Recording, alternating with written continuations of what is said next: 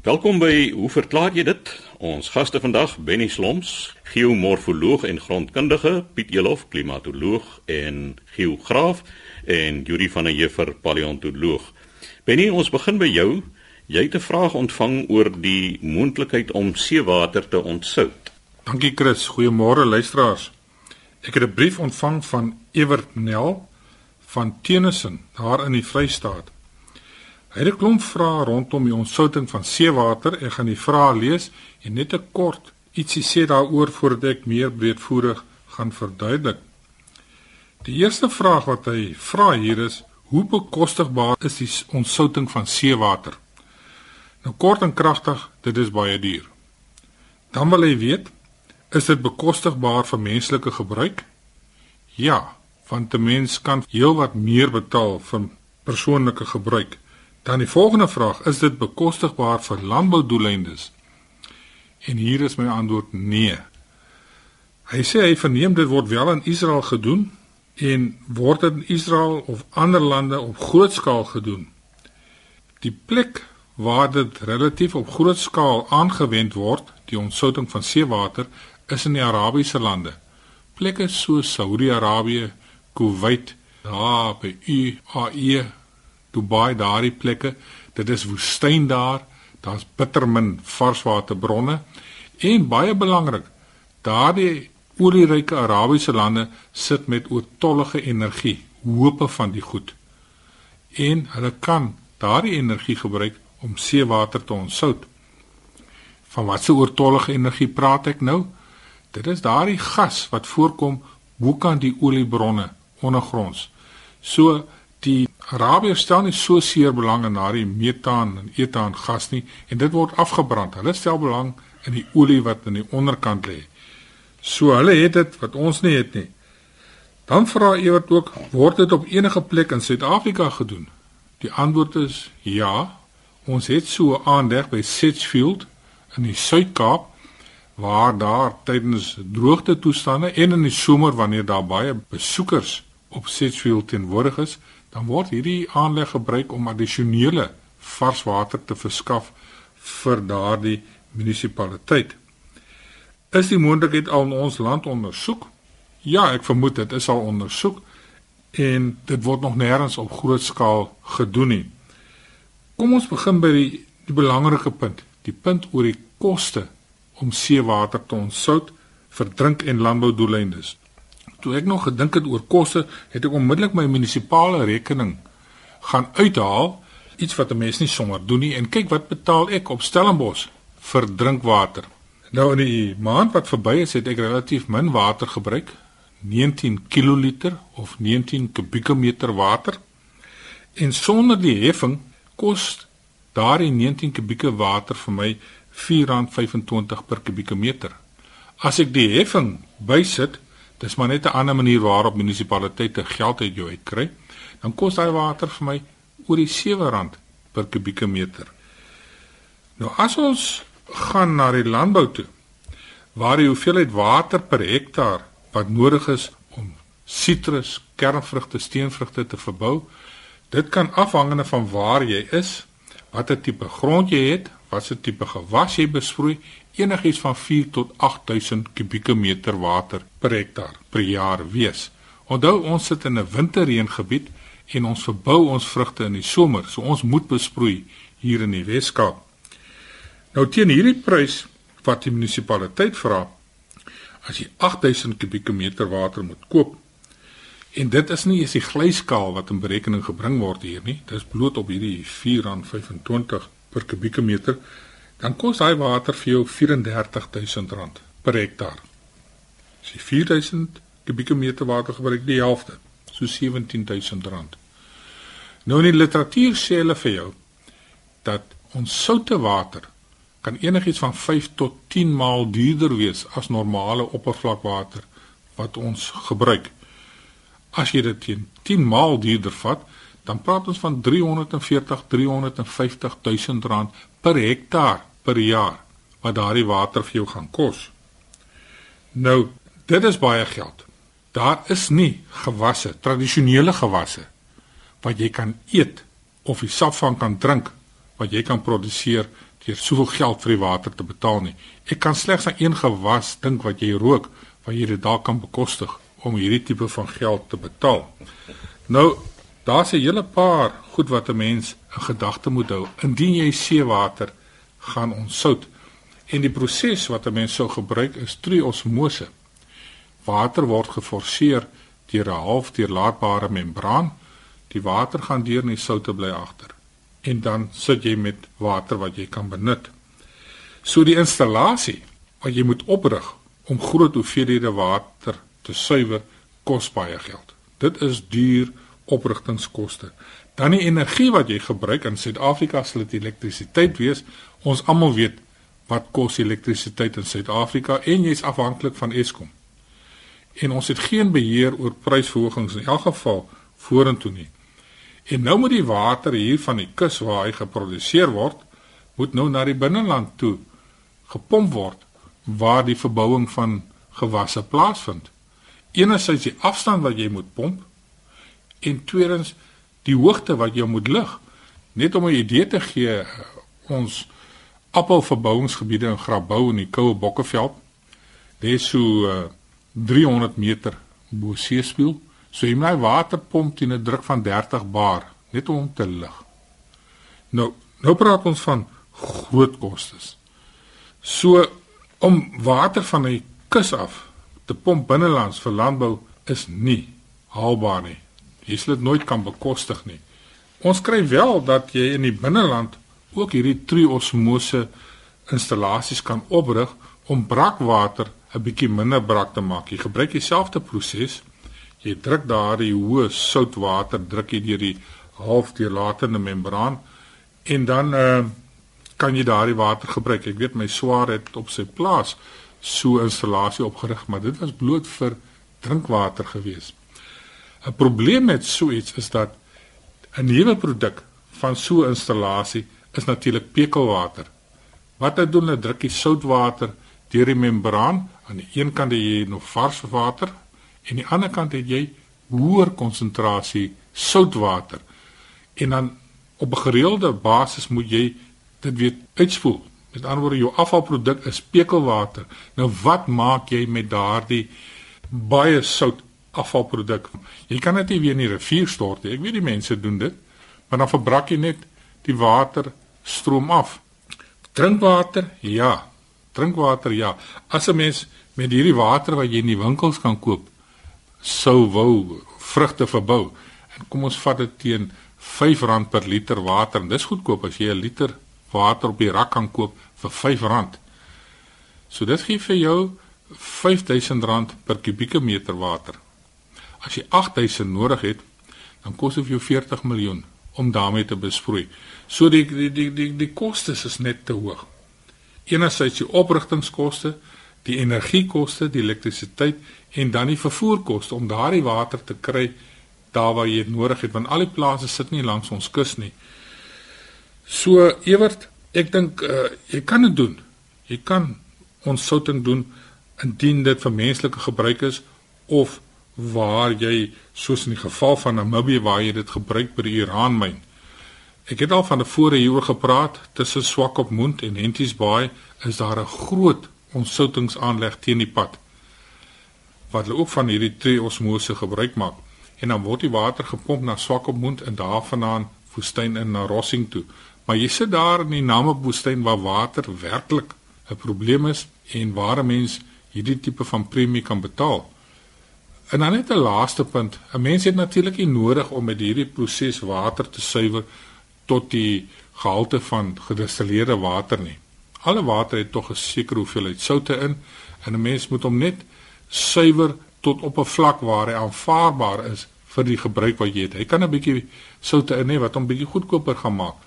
Maar uh, op die oomblik in Suid-Afrika is die ontsouting van seewater op groot skaal nie haalbaar nie.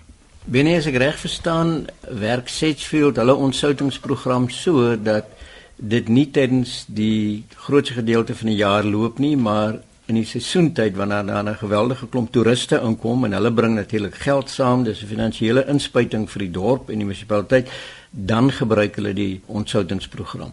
Dit is heeltemal reg.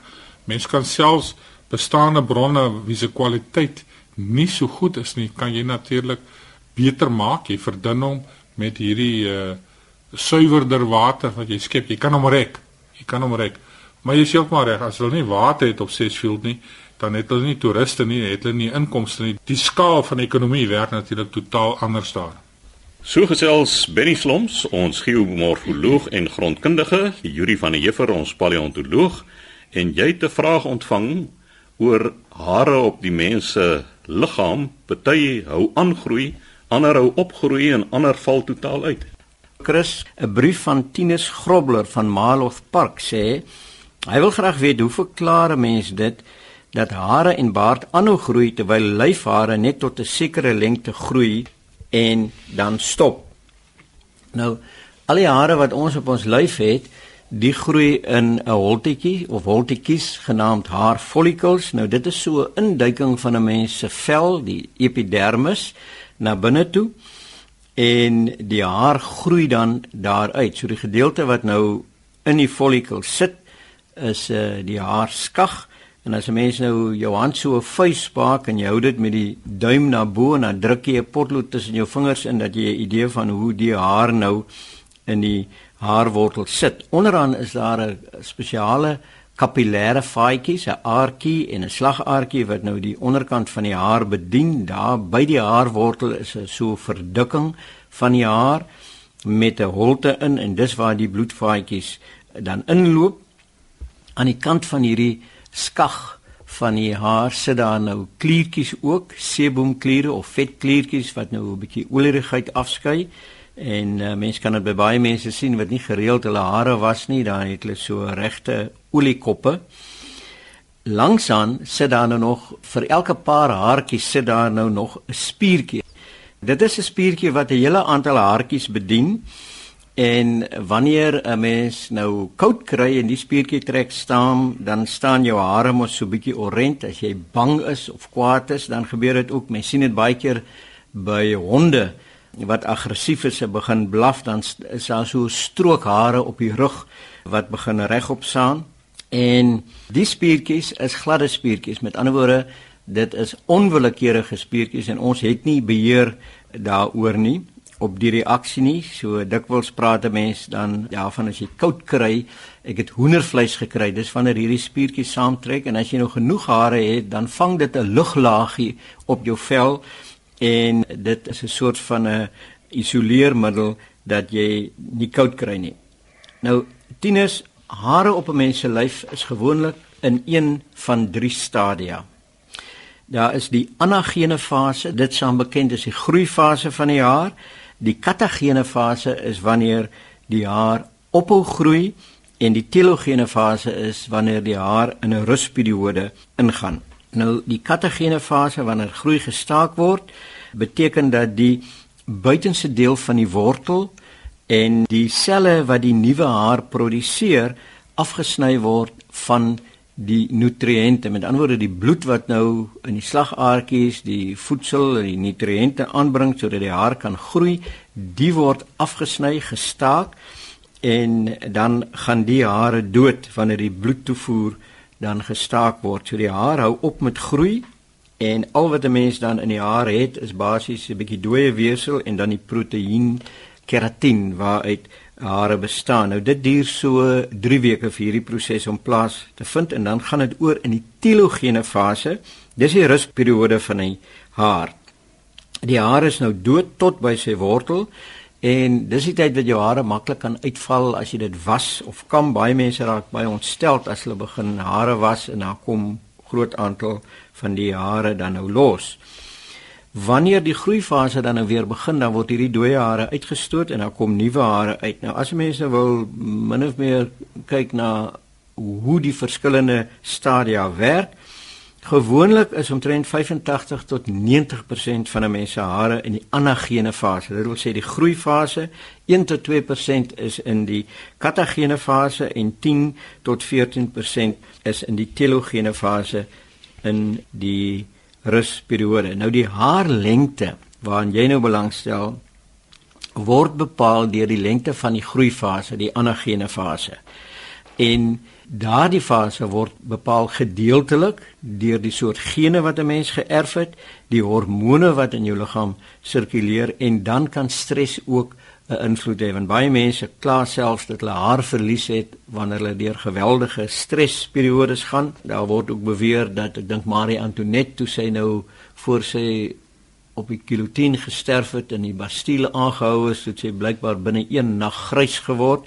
Ek weet nie of dit waar is nie, maar stres kan natuurlik allerlei goed met 'n mens gebeur. Nou op jou kop, die hare wat op jou kop groei, se anagene fase is min of meer van 2 tot 7 jaar. Op die arms en die bene en die wenkbroue is die anagene fase tussen 30 en 45 dae. So mense kan sien hoekom dit in daardie dele van jou liggaam dan nie so lank word nie. En as 'n mens nou baie erg onder stres is, wat baie mense vandag natuurlik beweer gebeur met hulle, kan die anagene fase totaal tot stilstand gedwing word en dan in erge gevalle kan 'n meeste van 'n mens se hare dan uitval. Nou ons is natuurlik soogdiere, harige soogdiere en selfs voor geboorte sit die baba met 'n haarkleed wat 'n spesiale naam het, byvoorbeeld lanugo en dan word dit vervang sodat die baba na geboorte bedek is met 'n baie ligte haarkleed, die velus. Dis baie fyn hare en daar's geen pigment in die hare nie en dit hou aan min of meer tot by puberteit en dan ontwikkel die terminale hare byvoorbeeld onder die arms en by of naby die skaamdele. Die kop en die wenkbroue is natuurlik ook terminale hare. Nou, omdat haargroei sensitief is vir testosteroon, kan die voorkoms van daarvan beïnvloed word deur testosteroon en daar word testosteroon blykbaar geproduseer in die haarfollikels. En hare wat op verskillende dele van jou liggaam groei, reageer verskillend op die teenwoordigheid van testosteroon. En sekere haartipes kan met die ouer word proses sensitief raak vir testosteroon en dan verleng hulle die groeifase, die anagene fase. En die gevolg daarvan is dat 'n mens veral by ou mans sien dat hulle sulke weelige wenkbroue het en sulke wollerige ore, die neushare word langer en dan moet 'n mens maar vir een van daai masjienkies kry wat jy gereeld die hare mee korter sny.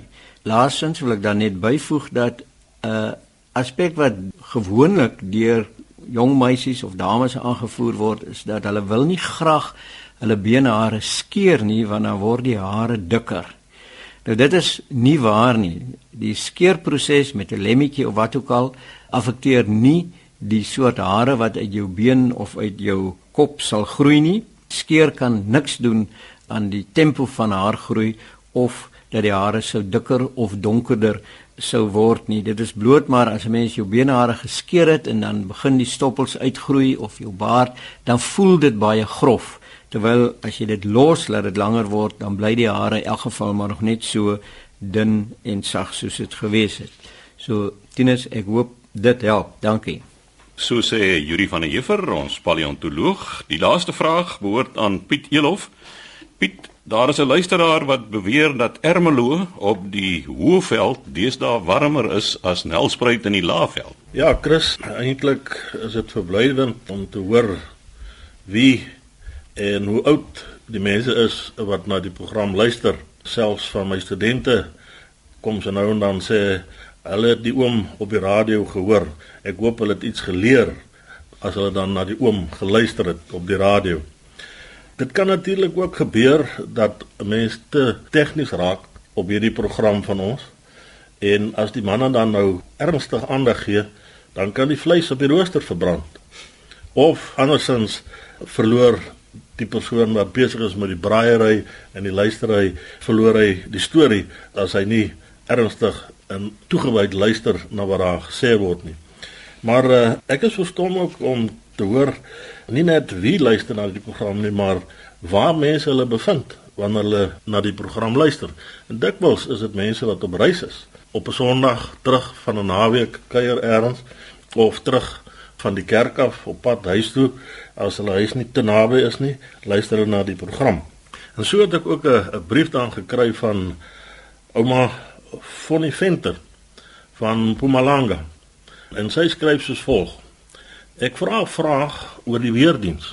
Vir baie jare het Ermelo bekend gestaan as 'n baie koue plek in Transvaal. Die laaste paar maande het dit drasties verander en is dit nou 'n warm plek en dikwels warmer as Nelspruit en Pretoria. Sy sê hoe kan dit gebeur?